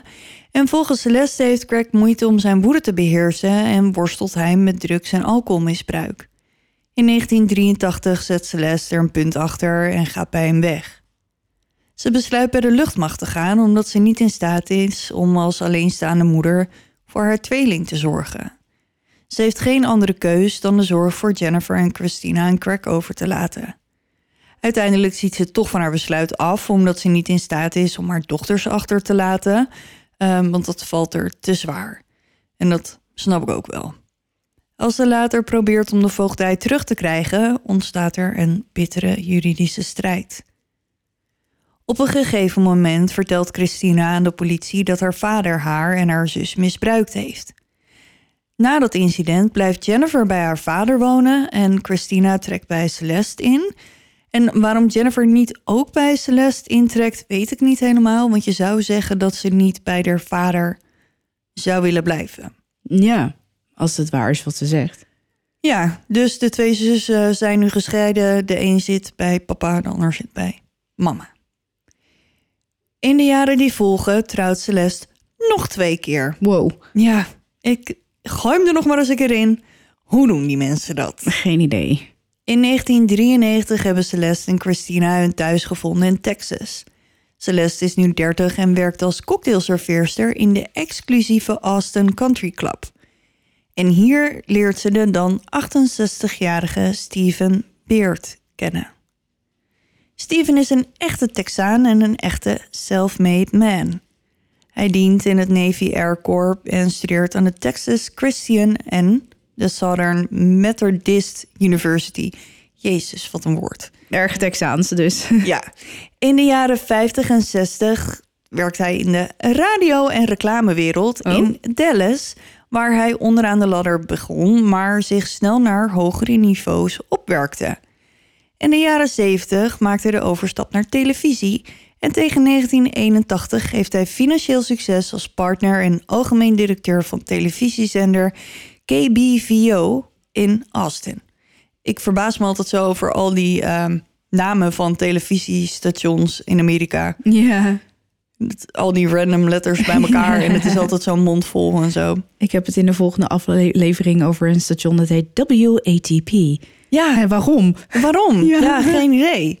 In 1985 wordt de zender een van de oorspronkelijke affiliates van het dan opkomende Fox-netwerk. Dus dat is best wel prima. Ja. De waarde en de status van de zender groeien in de daaropvolgende tien jaar gestaag. Hij is getrouwd met Elise en samen krijgen ze drie kinderen. Helaas overlijdt zij in 1993 aan hersenkanker. Steven en Elise zijn dan 42 jaar samen geweest. En hij leert Celeste twee weken voor het overlijden van zijn vrouw kennen. Steven, die het na 42 jaar met zijn vrouw moeilijk vindt om alleen te zijn, verlangt ernaar om iemand te ontmoeten met wie hij tijd kan doorbrengen. En iemand die hem gewoon minder eenzaam laat voelen en gewoon een soort van ehm, bij hem is. Maatje. Ja. De zelfverzekerde en aantrekkelijke Celeste lijkt de juiste keus. Drie weken na het overlijden van zijn vrouw hebben ze een eerste date. Als ze nog geen maand aan het daten zijn, vraagt Steven aan Celeste of zij en haar dochter bij hem willen intrekken. Dat is wel vlot, hè? Ja, maar hij mist gewoon mensen in huis en gewoon Reuring. reuring en iemand om tegenaan te praten. En als je 42 jaar samen Ja. bent geweest met iemand en die is er altijd en je blijft alleen achter en je bent, weet je, hij is ook nog maar 68, hij is ook niet aan Stokoud. stokoud of zo. Nee, hij kan nog wel 40 jaar mee als hij mazzel heeft. Ja. Nou, dat is misschien een beetje overdreven, 30. De drie volwassen kinderen van Steven, Steven de derde, Becky en Paul, hebben in de eerste instantie hun bedenkingen bij het plan van hun vader. En dat lijkt me ook niet zo heel gek als je vader na zo'n lang huwelijk met je moeder zo snel besluit om weer te gaan samenwonen. En dan helemaal met iemand die bijna 40 jaar jonger is. Een maand is ook wel snel, hoor. Ja, en dan heeft ze natuurlijk ook nog eens een keer nog een puber in huis. Dus, maar goed, ze realiseren zich ook dat hun vader een volwassen man is. En hij lijkt gelukkig, dus ja, ze hebben er niet zoveel tegen in te brengen. Nee. Steven overlaat Celeste met dure cadeaus en luxe vakanties. Celeste is nog wel getrouwd, ehm, maar scheidt in april 1994 van haar man Jimmy Martinez. Op 18 februari 1995 trouwen Steven en Celeste. Dit is dus Celeste's derde huwelijk. Steven heeft inmiddels zijn aandeel in KBVO verkocht voor 15 miljoen en hij belooft Celeste een miljoen tijdens hun huwelijk. En dit miljoen gaat in een trust fund en dat kan ze dan naar eigen inzicht kan ze dat uitgeven. En daarnaast belooft hij haar te helpen de voogdij over Jennifer terug te krijgen. Want die woont natuurlijk nog steeds bij de vader. Ehm, en als kers op de taart biedt hij aan om de twee meisjes te adopteren. Oh, oké. En dat laat natuurlijk wel echt zien dat hij echt de familie wil vormen met die meiden en met Celeste. Huisje, boompje, beestje weer. Ja. Het probleem van de voogdij van Jennifer blijkt zichzelf op te lossen als Craig, Celeste's eerste man, suïcide pleegt. Oh, nee. Ja. En ehm, dus Jennifer komt dan bij Celeste wonen. En Jennifer en Christina kunnen goed opschieten met Steven. Aanvankelijk zijn ze wel sceptisch over hem, aangezien Celeste in het verleden niet de beste man heeft uitgekozen. Maar ze beschouwen hem nu als een liefhebbende stiefvader. Vooral Jennifer lijkt het goed met hem te kunnen vinden. Ze gaan regelmatig samen brunchen op zondagochtend en halen vaak een ijsje samen. Dus die ja, die groeien best wel naar, naar elkaar toe. Het pasgevormde samengestelde gezin lijkt het goed te doen. Binnen de eerste zes maanden van het huwelijk presteert Celeste het om de eerste 500.000 dollar van haar miljoen uit te geven. Wow. Na een paar maanden ontdekt Steven via zijn bank dat ze zijn kluis heeft geplunderd en juwelen en zilverwerk van zijn overleden vrouw heeft meegenomen. Nee, waarom doet ze dat? Ja, Wat eh, respectloos geen idee. ook. Ja, en het duurt niet lang voordat Celeste roekeloze uitgavenpatroon een probleem begint te vormen. Joh. Want dat kan je natuurlijk niet doen zonder consequenties. Ze geeft dagelijks bedragen variërend tussen de 15.000 en 30.000 dollar uit. Aan wat? Nou ja, ze presteert er zelfs om in één maand eh, tijd 125.000 dollar uit te geven. En volgens Celeste is ze bezig met het inrichten van de twee huizen van Steven met dure kunstwerken en huishoudelijke artikelen. Dat zijn een hele hoop flesjes Dusty dan. Bijvoorbeeld, ja. En ehm, dit schiet me net weer te binnen, maar volgens mij heeft ze wel een prenup getekend. oh. Ehm, dat als ze scheiden, krijgt ze 500.000 dollar en niks meer. Maar goed, ze heeft nu, ze had dus in ieder geval die miljoen. En in plaats van dat ze dat dan investeert in of zo, koopt ze huishoudelijke artikelen. ja. Na nog een jaar getrouwd te zijn, vraagt Steven een scheiding aan. ehm, want dat wordt hem nu toch wel echt iets te gortig. Ze gaan in therapie en na twee maanden komen ze weer bij elkaar. En de scheiding is van de baan. De mentale gezondheid van Celeste is een grote zorg voor het stel. Ze heeft aanvallen van somberheid en verdwijnt dan in een diep zwart gat. Als Celeste tijdens een verhitte discussie naar een pook grijpt en dreigt zichzelf iets aan te doen, wordt de politie gebeld. De situatie wordt opgelost en ze stemt erin toe om zich te laten behandelen in een psychiatrische instelling. Ze komt in een psychiatrisch ziekenhuis St. David Pavilion terecht en hier leert ze Tracy Tarleton kennen, die hier ook is opgenomen. Tracy, manager van een populaire boekwinkel, zit hier om hulp te zoeken voor haar bipolaire stoornis. De twee trekken gelijk naar elkaar toe en zijn snel onafscheidelijk nadat ze ontdekken dat ze vergelijkbare traumatische gebeurtenissen hebben meegemaakt. Ze besluiten om hun behandeling samen voor te zetten in het Timberlawn Hospital, waar ze een kamer delen. In juni 1999 gaat Celeste weer naar huis. Ze blijft contact houden met Tracy en hun relatie blijft sterk. Het duurt niet lang voordat Tracy regelmatig bij Celeste langskomt. Celeste organiseert zelfs een groot feest voor Tracy en haar medewerkers in haar vakantiehuis. Dus nou ja, dan ben je wel goede vrienden. Ja. Het is de mensen in hun omgeving niet ontgaan hoe nauw de twee verbonden zijn. Vooral Jennifer en Christina valt het op. Die zien hoe intens de relatie tussen hen is. En dan komt er op 2 oktober 1999 een telefoontje bij 911 binnen. Hier is audio van, maar de kwaliteit is zo slecht ehm, dat ik jullie dat niet aan wil doen. Oh. Dus ik heb het ehm, Vertaald. vertaald. Dus als je het zoekt op YouTube, dan kan je het vinden. Maar het is zo onduidelijk. En ik wil mensen met koptelefoons en oordopjes ehm, het gekraak in hun oren Besparen. besparen. Maar goed, het telefoontje komt van Steven, die dan 75 jaar oud is. En hij zegt het volgende. Ik heb een ambulance nodig. Mijn ingewanden zijn net uit mijn buik gesprongen. Ze zijn eruit geblazen. Ja, ze zijn op mijn buik. En dan zegt de operator: Oké. Wat Ze bedoel jij? liggen op je buik. Steven zegt: Ik heb vreselijke pijn. Operator: Hoe is dit gebeurd?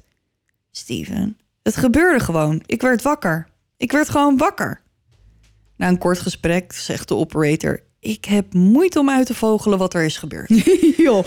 Maar ze is niet de enige, want Steven heeft geen flauw idee wat hem zojuist overkomen is. Hij antwoordt: Ik weet niet wat er gebeurd is. Dit is nog nooit eerder gebeurd. Joh. Ja, dus. Terwijl hulpsheriffs en een ambulance zich naar het huis haasten, vraagt Steven aan de operator om zijn vrouw te bellen, die ergens in het ongeveer 492 vierkante meter grote huis is. De operator voldoet aan zijn verzoek, maar hoe lang ze de telefoon ook laat overgaan, Celeste neemt niet op. Dan komen de hulpdiensten aan en ze lopen een rondje om het huis om te kijken of ze ergens naar binnen kunnen. Ehm, want Celeste kunnen ze niet bereiken. Maar die moet wel ergens daar in dat huis zijn. Oké. Dus ze lopen een rondje en op een gegeven moment kijken ze ergens naar binnen en dan zien ze de bloedende Steven in zijn bed liggen. Ze gaan naar binnen en de ambulancebroeders onderzoeken Steven. Ze vermoeden dat een incisie van een eerdere hernia-operatie is opengebarsten. Want ze kunnen namelijk geen andere reden bedenken waarom zijn ingewanden uit zijn buik zouden hangen anders. Maar dat is wel echt zo. Wat? Dat ze daaruit hangen. Ja, Oké. dat Dat gebeurt. ja, een beetje moeilijk voor te stellen. Nou, dat gebeurt dus vaker dan je denkt. Want ik heb. Dat je eh, ingewanden eruit hangen? ja, als je wordt neergestoken bijvoorbeeld. Heel. Ja, de afgelopen tijd is, ehm, was op RTL 5 eh, Ambulance Code Red op televisie. En daar heb ik een paar steekpartijen en zo gezien waarbij de darmen naar buiten kwamen. Gezellig. Slaap jij wel of niet? Nou, nee, maar dat heeft niks met die programma's te maken. Hm. Ja, je zit heel moeilijk te kijken. Nou ja, ik, eh, ja, ik, ik vind, ja, ik vind het zo eh, dat sommige mensen, jij bent er ook zo een van, van die mensen die dan bewust dat soort dingen gaan opzoeken Ja, en dan vervolgens niet meer slapen. Nee, maar dat... als- net zoals mijn zoon, die had laatst, die was, had zich de blubber geschrokken om een filmpje DuckTales, echt zo'n oude uit 1993. En die wordt s'nachts huilend wakker en die zegt, ik heb een, iets stoms gedaan, want nu kan ik niet meer slapen, want ik ben heel erg geschrokken en ik had een nachtmerrie. Ja, nee, maar mijn insomnia en mijn voorliefde voor ambulanceprogramma's hebben niks met elkaar te maken. Oké. Ik kijk het juist graag voordat ik ga slapen. zeg maar als laatste ding voordat ik naar bed ga. Ja, je maar goed. in ieder geval, uithangende darmen gebeurt dus. Oké. Terwijl ze Steven op een brancard leggen, doet hulpsheriff Russell Thompson een bijzondere ontdekking. Op de vloer van de slaapkamer ligt een afgevuurde huls van een jachtgeweer. Nee, het feit dat zijn darmen uit zijn buik hangen is niet een bijzondere ontdekking. Nou ja, maar goed, in de eerste instantie, ze weten niet wat er gebeurd is. Steven weet niet wat er gebeurd is. Dus als je als ambulancebroeder daar aankomt en je ziet dat zonder enige. Want het- het- er moet een aanleiding zijn voor het feit dat ze ingewanden eruit liggen. Dus waar ze dan aan denken is, nou, ze, ze heeft vast een snee in zijn buik gehad en die hechtingen zijn gesprongen. Dus nu ligt het er allemaal uit.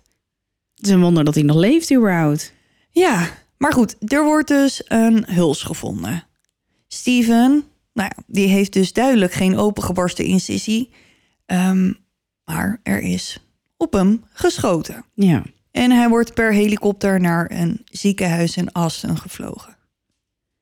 Terwijl er in de kamer van Steven chaos heerst, komen Celeste en Christina tevoorschijn uit een aparte vleugel van het huis waar ze hadden liggen slapen.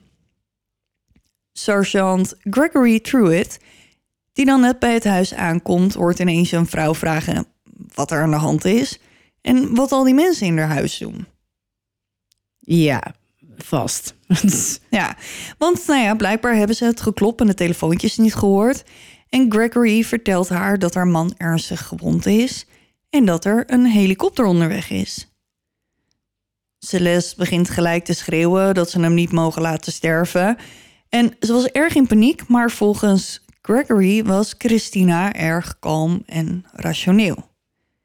Nu duidelijk is dat het om een schietpartij gaat, gaat de politie met getrokken wapens het huis door op zoek naar de mogelijke dader. Want Voor groot huis, voor hetzelfde geld zit hij ergens in de kast. Ja. Ja, precies. Want die dacht waarschijnlijk...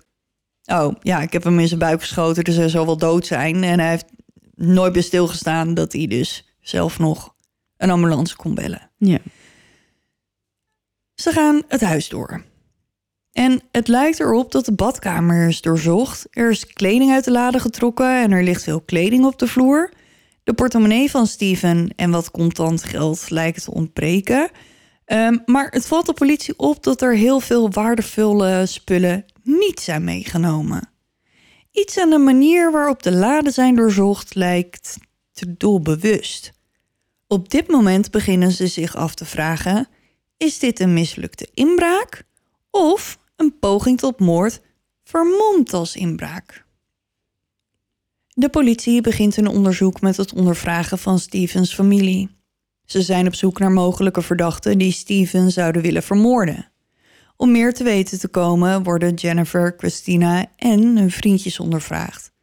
Als het Jennifer's beurt is, vertelt ze hen over Tracy Talton. Wat de politie op dat moment nog niet weet, is dat Celeste tegen Christina heeft gefluisterd dat ze Tracy niet moeten noemen als haar gevraagd wordt wie er op Steven geschoten zou kunnen hebben. Dat is een beetje gek, hè? Ja, Jennifer kiest er echter voor om haar vermoedens met de politie te delen. Ze vindt dat Steven, die haar en Christina inmiddels geadopteerd heeft, dat verdient. Ja. Christina vertelt aan de rechercheurs dat ze haar moeder en Tracy in bed heeft zien zoenen. Oh. Oh. Ja, Oké. ja. Jennifer en Christina denken dat de vriendschap van hun moeder en Tracy meer is dan alleen een platonische vriendschappelijke relatie. De meisjes vertelden aan Steven wat ze hadden gezien. En aangezien hij niet op zijn achterhoofd gevallen is, ziet hij ook wel dat er iets meer aan de hand is. Hij wil niet dat Tracy bij hen zou komen wonen, iets wat blijkbaar een keer ter sprake is gebracht, of dat ze nog contact zou hebben met de familie. Met deze informatie en het feit dat het alarm die avond uitgeschakeld was, besluit de politie Tracy te ondervragen. Tracy vertelt de politie dat zij en Celeste gewoon vrienden zijn, maar als ze in haar appartement rondkijken, vinden ze iets dat lijkt op een altaar voor Celeste Wow, dat is een beetje freaky. inclusief foto's en kaarsen. Tracy ontkent alle betrokkenheid bij de schietpartij op Steven. Als ze haar vragen of ze in het bezit is van een jachtgeweer, geeft ze zonder protest antwoord. Ze bezit er inderdaad een en staat hem vrijwillig af om hem te laten onderzoeken. Nadat de ballistische tests zijn afgerond, blijkt dit het wapen te zijn waarmee Steven is neergeschoten. Is ze dan echt zo stom? Of, Laat me even verder vertellen. of heeft die andere dat, dat, dat jachtgeweer gejat? Ik ga het vertellen, oké? ik wil het ook wel gewoon gelijk verklappen, maar dan is het verhaal ook wel gewoon een beetje over. het. Nu ze deze informatie hebben, wordt Tracy opgeroepen voor een officieel verhoor op het politiebureau. Als ze haar de ballistische gegevens laten zien, bevestigt ze dat zij degene is die Steven die avond heeft neergeschoten, maar ze weigert te vertellen waarom. Op 8 oktober wordt ze gearresteerd en aangeklaagd voor poging tot moord. Nadat ze heeft betaald, wordt ze op borgtocht vrijgelaten. Op 18 januari 2000, drie maanden nadat hij in het ziekenhuis werd opgenomen, mag Steven naar huis. Mag ik wat zeggen? Nou, Zij bekent dus die moord, ja. min of meer. Mhm, Ze zegt ja, het was mijn jachtgeweer. ja. Dan wordt ze gearresteerd. mhm, Ze betaalt een borg. Ja. En ze mag weer gaan. mhm. Dat heb je heel goed eh opgesomd. En waarom eh, is dat? Ja, Je hebt toch de dader dan?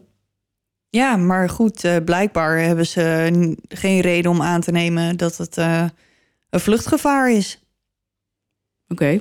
of zo. Nou, vind ik wel een beetje apart. Ja, maar er komen wel gekkere gekken vrij, hè? Dus op zich. Hè? Ja, Oké. Maar goed, Steven komt dus thuis. De kleinste beweging veroorzaakt ondraaglijke pijn, dus hij zit in een rolstoel. Celeste zegt dat Steven wil dat alleen zij voor hem zal zorgen. Dus nou ja, geen thuiszorg of iemand anders of vrienden of helemaal niemand. Zijn wond en zijn stoma, want die heeft hij gekregen, moeten dagelijks schoongemaakt worden. Celeste krijgt uitgebreide instructies van zijn artsen om ervoor te zorgen dat zijn herstel goed zal verlopen. Het is heel belangrijk dat een infectie voorkomen wordt, dus het is aan Celeste om alles zo schoon mogelijk te houden. Nog geen dag later gaat Steven ineens achteruit en moet hij terug naar het ziekenhuis. Celeste belt de arts van Steven om te klagen over zijn behandeling in de revalidatiekliniek. Ze verzoekt de arts om Steven te onderzoeken. Hij wordt opgenomen voor de behandeling van een schimmelinfectie aan zijn genitaliën. Maar is er volgens de dokter niet super slecht aan toe? En hoe die aan die schimmelinfectie komt, is me ook een raadsel. Huh? Wacht, wat? Ja. Hè? Ja, dus hij komt thuis. Nog een dag later voelt hij zich niet lekker. Gaat hij achteruit. En dan belt Celeste zijn arts. En dan klaagt ze. En dan wordt hij toch onderzocht. En dan blijkt hij dus een schimmelinfectie te hebben. Maar dat is natuurlijk niks levensbedreigends. Nou, wel als je eh, je darmen eruit liggen. En Maar je als, bent... jij, maar als jij een schimmel aan je penis hebt... daar ga je niet gelijk aan dood. Nee, maar misschien wel. Nou ja, nee. Je gaat er niet dood aan, maar je gaat toch niet echt lekker. Dus Ja, zo'n ja. infectie aan je gaat er niet bij helpen. Nee, dat klopt. Maar goed, volgens de dokter is hij er in niet al te slecht aan toe. Oké. Jezus. Ja, ja, Hoe kom je eraan ook? Who knows? Hoe kom je er vanaf? Kan je beter vragen. Ja. Ik neem aan dat de dokter dat hem verteld heeft. Oké, nou, eh, gezellig. Ja. Op de ochtend van 22 januari, een dag na mijn verjaardag, gaat zijn toestand nog verder achteruit. Een bloedtest wijst uit dat hij een infectie heeft. Hoewel er 's ochtends antibiotica wordt voorgeschreven, krijgt hij ze pas om 1 uur 's middags. Later diezelfde dag overlijdt Steven. Wow, dat is dan echt snel gegaan. Nou ja, op die ochtend gaat hij dus nog meer achteruit. En dan krijgt hij dus antibiotica voorgeschreven, s ochtends. Maar dat wordt niet gelijk toegediend. Dat komt pas om 1 uur 's middags. Ja, dat, dat zei je. Ja, en uiteindelijk wordt de doodsoorzaak vastgesteld als sepsis. Een bloedvergiftiging. Dus ja, dat gaat heel snel. Wow, dat is wel intens zeg. Ja, ik weet wel, ik had laatst, of laatst, vorig jaar een ontsteking aan mijn voet. Oh ja. En toen eh, waren ze ook bang dat ik dat zou krijgen. Dus toen moest ik mijn voet, was helemaal rood. En dat moest ik toen aftekenen en gelijk aan antibiotica beginnen. Maar op het moment dat die plek zich buiten dat afgetekende stukje zou uitbreiden, dan zou ik ehm, gelijk naar het ziekenhuis moeten. Ja, dat zijn geen. eh, ja, dat kan inderdaad snel. Ja, het pompt zich door je hele lichaam heen. Dan. Ja, ja. Maar goed, nu Steven overleden is, worden de aanklachten tegen Tracy verhoogd naar moord en ze wordt opnieuw gearresteerd. Ze weigert nog steeds om een motief voor de moord te geven. Na de begrafenis van Steven gaat ze dus helemaal los en geeft buitensporig veel geld uit. Haar familie en vrienden denken niet dat Celeste op de traditionele manier rouwt, aangezien ze met haar pas aangestelde personal assistant Donna Goodson naar een rodeo in Houston gaat. En daarna gaat ze naar ehm, een casino in Louisiana. Volgens Donna slaapt Celeste overdag en feest de hele nacht. Nog geen vijf maanden na het overlijden van Steven hertrouwt Celeste. Nee. Ja, met een meneer genaamd Cole Johnson, een 41-jarige barman. Na het overlijden van Steven heeft Celeste al zijn onroerend goed verkocht en gebruikt de opbrengst daarvan om een nieuw huis voor zichzelf te kopen in Fort Worth, Texas. Ja. Tracy, die in de gevangenis zit, leest over het huwelijk van Celeste en Cole in de krant. In juli 2000 belt ze eindelijk de politie om te vertellen waarom ze Steven heeft neergeschoten. Ze vertelt dat zij en Celeste tijdens hun verblijf in een psychiatrische kliniek een seksuele relatie kregen. Deze relatie gaat door nadat Celeste uit de kliniek ontslagen wordt. Volgens Tracy heeft Celeste haar tijdens hun verblijf daar verteld dat ze alleen met Steven is getrouwd om de voogdij over haar dochter te krijgen, maar dat ze zich nu gevangen voelde in een liefdeloos huwelijk. Celeste blijft beweren dat Steven haar emotioneel en psychologisch uitputte en mishandelde. Tracy gelooft wat Celeste haar vertelt en ziet Steven als een gewelddadige echtgenoot. Mm, Oké. Volgens Tracy is Celeste vier maanden voor de schietpartij naar haar toegekomen om om hulp te vragen. Volgens haar zegt Celeste dan dat ze suïcide zal plegen als ze nog langer bij Steven moet blijven. Ze is doodsbang voor hem en ze is ook bang dat hij haar zal opsporen als ze probeert te vluchten. Ze blijft klagen hoe vreselijk het leven met Steven is en hoe gewelddadig hij is. Niet alleen naar haar, ook tegen haar dochters. Vanwege het vreselijke misbruik dat Celeste in haar jeugd heeft meegemaakt, heeft Tracy medelijden met haar. Ze bedenken een plan zodat ze meer tijd samen kunnen doorbrengen, aangezien Tracy niet bij Celeste over de vloer mag komen.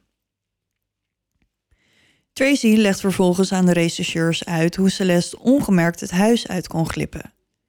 Steven dronk s'avonds graag cocktails met wodka en ze begint zijn wodka te vervangen met Everclear, die granenalcohol met een vreselijk hoog percentage. Je weet al die van Eat Couch? Ja, ja, ja, ja. ja. Ja, daar heb ik het uitgelegd. Ja, precies. Stevens cocktails zorgen ervoor dat hij rond 10 uur naar bed gaat, zodat Celeste met Tracy kan afspreken. En rond 2 uur s'nachts glipt ze dan weer naar binnen. Volgens Tracy worden de gesprekken over Steven steeds duisterder. Ze beweert dat Celeste haar ecstasy-pillen heeft laten kopen om ze in Stevens cocktail te doen om hem zo een overdosis te geven. Toen dat mislukte, liet Celeste Tracy een boek over gif kopen. Daarna bereidde Celeste een maaltijd met vergif voor hem. Volgens mij hebben ze geprobeerd om zelf botulisme te kweken. Ehm, in ieder geval, het werkte niet, want Steven kreeg nergens last van. Volgens mij had ze een hotdog voor hem gemaakt en had ze het er overheen gesprinkeld. Maar hij vond het heerlijk. en hij had verder helemaal nergens last van. In september 1999 besluit Celeste dat ze een actievere aanpak moet proberen. Celeste drogeert hem door slaappillen door zijn eten te doen. Als Steven aan de eettafel in slaap valt, roept ze Tracy bij zich. En als die aankomt, ziet ze de bewusteloze Steven zitten. Volgens Tracy proberen ze allebei om hem te verstikken door een plastic zak over zijn hoofd te trekken. Tracy beweert dat ze er uiteindelijk niet toe in staat is om hem te vermoorden. Ehm, maar drie weken later stemt ze ermee in om Steven neer te schieten. Volg je het nog? Ja, zeker. Oké. Maar pff, het, het voelt een beetje, eh, ja, twee, Ja, als twee amateurs die geen idee hebben hoe je iemand moet vermoorden. nou ja, is maar beter ook. Maar ja, uiteindelijk is het ze toch gelukt. Nou ja, niet meteen ook. Nee, niet meteen. Maar ik ben nog niet klaar. Oh, Voor de schietpartij hebben Steven en Celeste een vakantie naar Europa gepland. Celeste vertelt Tracy dat ze bang is voor Stevens misbruik en daarom niet met hem op vakantie wil. Ze dringt bij Tracy op aan om Steven te vermoorden voordat ze op vakantie gaan. Celeste weet dat Tracy in het bezit is van een jachtgeweer en ervaring heeft met jagen, dus ze vraagt haar Steven neer te schieten. In de eerste instantie weigert Tracy, maar als Celeste dreigt haar eigen leven te beëindigen, gaat ze na een tijdje toch overstag. In haar ogen is dit de enige manier om haar geliefde te redden en haar te verlossen van die vreselijke man. Tracy heeft wel een aantal voorwaarden voordat ze tot actie overgaat, en het zijn er drie om precies te zijn. 1. Als ze in de gevangenis belandt, moet Celeste voor haar dieren zorgen. 2. Haar juridische kosten moeten betaald worden. En tot slot moet Celeste haar steunen als ze in de gevangenis zit. En volgens Tracy gaat Celeste maar al te graag akkoord met deze eisen. En dan beginnen de twee vrouwen de moord te plannen. Celeste zorgt dat Jennifer die avond niet thuis zal zijn. Christina is er wel, maar die zal samen met Celeste aan de andere kant van het huis zijn. Want je hebt natuurlijk wel een getuige nodig om te zeggen: ik was daar niet. Ik was daar niet, ik lag bij mijn dochter op de kamer. Hoe groot moet dat huis wel niet zijn dat je een pistoolschot niet hoort? Geen idee, 492 vierkante meter. Oh, ik zou er een moord voor doen. Eh, misschien Nou. ook niet. nee. Tracy legt aan Celeste uit dat als ze Steven neerschiet, er lege hulsen op de grond zullen vallen. Als Tracy het huis verlaat, moet Celeste de hulsen oprapen en weggooien. Tracy beweert dat Celeste haar verzekert dat ze zal wachten met het inschakelen van hulp als Steven niet meteen overlijdt. Maar ze kan toch ook zelf die huls meenemen? Nee, want ze moest, zij wilde zo snel mogelijk weg daar. Ja, maar hij valt op de grond, dan pak je hem en dan ben je alsnog weg. Ja, Daphne, ik, kan, ik bedoel, ik kan niet zeggen dat men, deze mensen heel goed zijn in nadenken. Ja, oké. Dus ja, En Hoe moeilijk is het om dan te bukken, die huls mee te nemen en ik dan te heb peren? geen idee. Ik, ik weet het niet. Ik zal het ook nooit weten. Ik, geen idee. Oké. Ik weet het niet. Eh, Celeste belooft ook eh, het alarmsysteem uit te schakelen, zodat die niet afgaat als Tracy binnenkomt. En dan is het zover. De poort staat open als Tracy even na twee uur arriveert. Ze rijdt naar het huis en betreedt de slaapkamer van Steven door een open deur. Ze volgt Celeste instructies en schiet Steven in zijn buik. Ze verlaat het huis, keert terug naar haar auto en rijdt terug naar haar appartement. Ze vertelt de politie dat ze het jachtgeweer niet heeft weggegooid omdat het gepersonaliseerd is. Dus makkelijk aan haar te linken. Volgens mij staan er initialen erop of zo, iets dergelijks. De achternaam, geen idee. Maar het is in ieder geval makkelijk om de link te leggen. Tracy is ervan overtuigd dat Celeste de lege hul, zoals beloofd, op zou rapen. Tracy verklaart dat ze na de schietpartij contact blijven houden. En dan onthult ze schokkende informatie aan de politie. Hoewel ze toegeeft dat zij degene is die Steven heeft neergeschoten, is Celeste degene die hem heeft vermoord.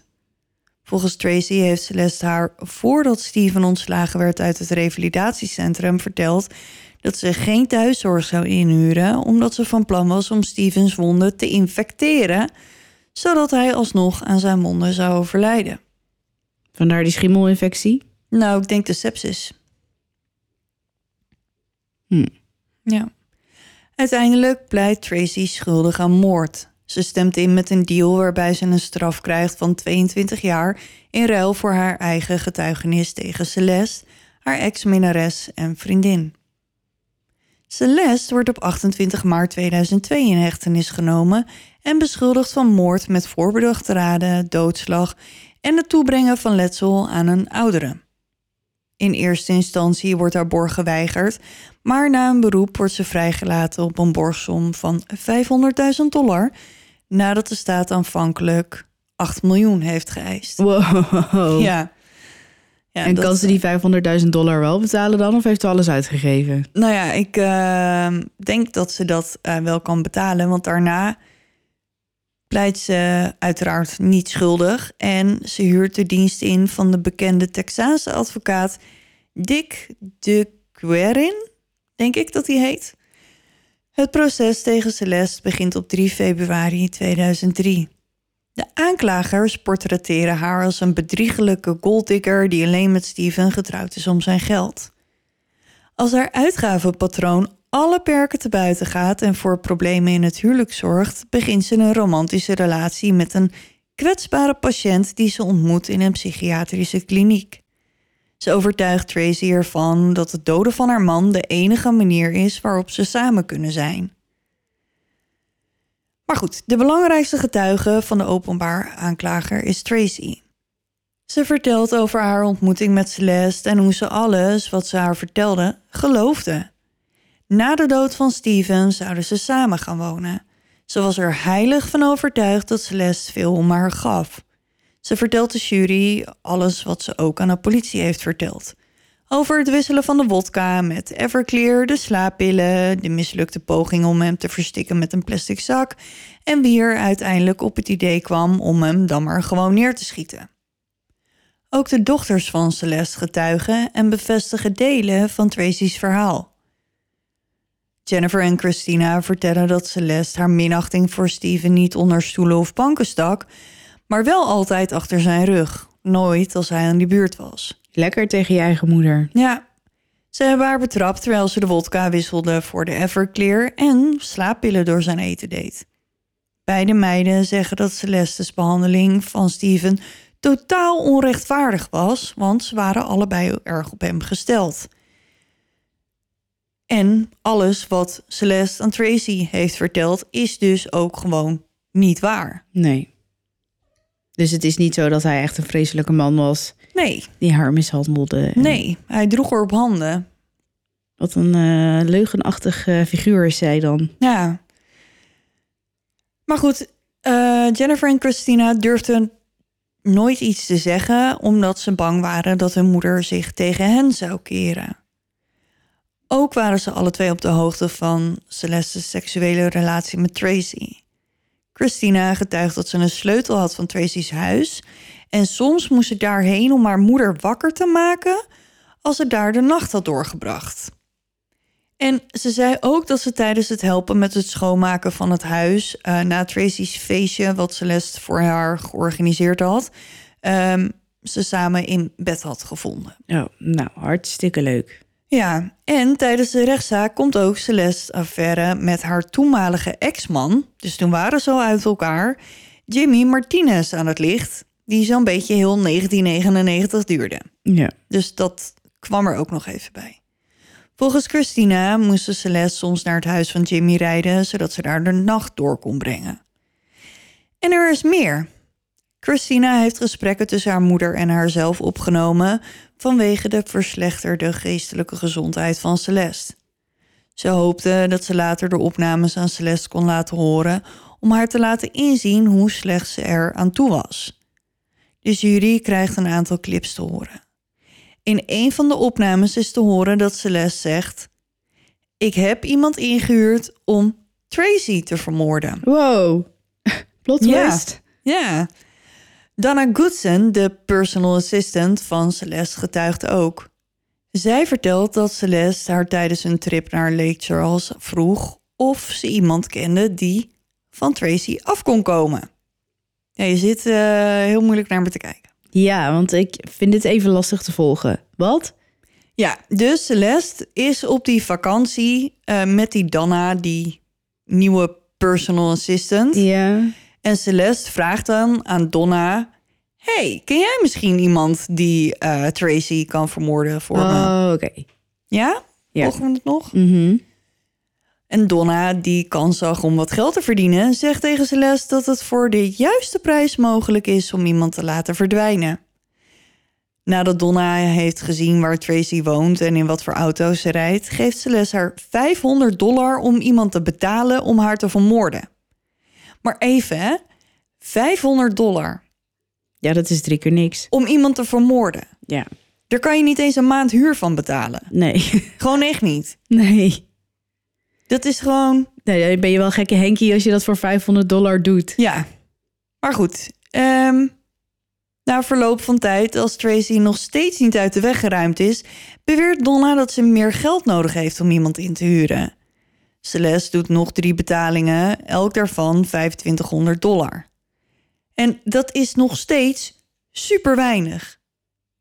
Ik bedoel, ik zou voor geen goud iemand ombrengen, maar Ja, maar de vraag is een beetje wat zij met dat geld doet. Houdt ze dat zelf of is ze echt actief op zoek naar iemand die... Nee hoor, ze houdt het gewoon zelf. En Ja, Donna is een beetje rijker en Tracy is er gewoon nog steeds. Maar goed, ehm, stel ik vind nou... het een rare...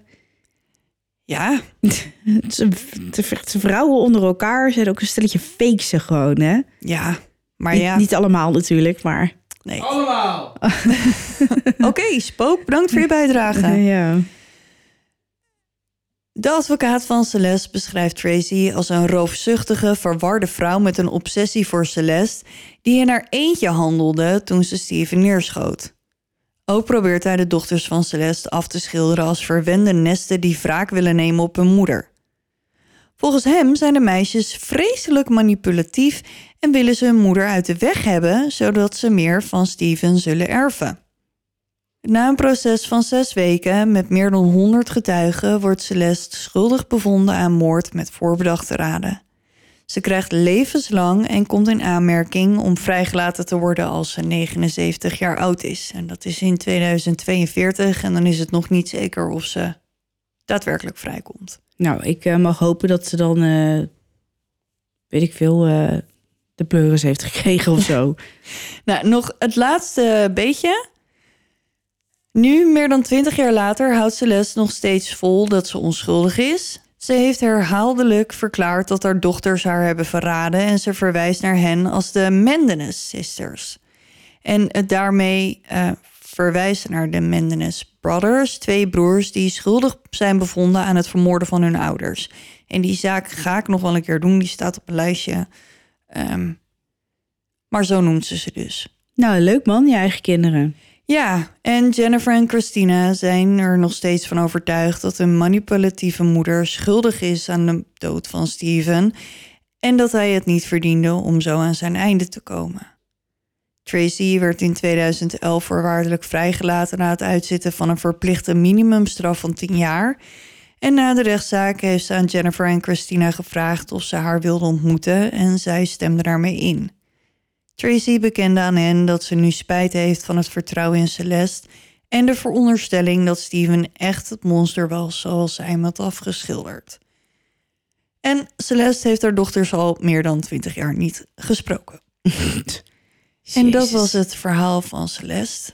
Oh. Ja, ik weet niet wat ik hier nou weer moet van, van moet vinden. Ja, echt, wat ik weet niet. Ja, het spijt me. Ja, Ik mag gewoon hopen dat zo'n vrouw nooit meer vrijkomt. nee, nou ja, ze heeft wel eh, in de gevangenis een eh, associated degree behaald. Mm. Dus ze is aan het studeren. Dus misschien doet ze wat nuttigs met haar tijd verder. En weet je wat het ook is? Tracy was ook gewoon oud en proud lesbische vrouw. En ik denk dat Celeste gewoon dacht... hé, hey, wacht eens even. Deze vrouw heeft een crush op mij. Ja, en zij is heel erg kwetsbaar. En ik denk dat het dan net zo goed een man geweest had kunnen zijn. Of Nou ja, ieder ander. Het Maakt zit er niet uit. erin of dat zij een vrouw was of niet. Maar- Nee, het had echt iedere Henkie kunnen zijn. Nou jongens, dat was hem weer. Ja, ik eh, ga hier weer even van bijkomen. Ja, dat is goed. Doe dat. Tot volgende keer.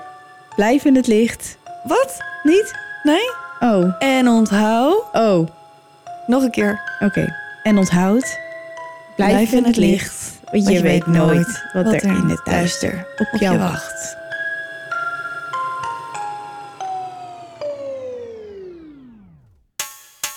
Believe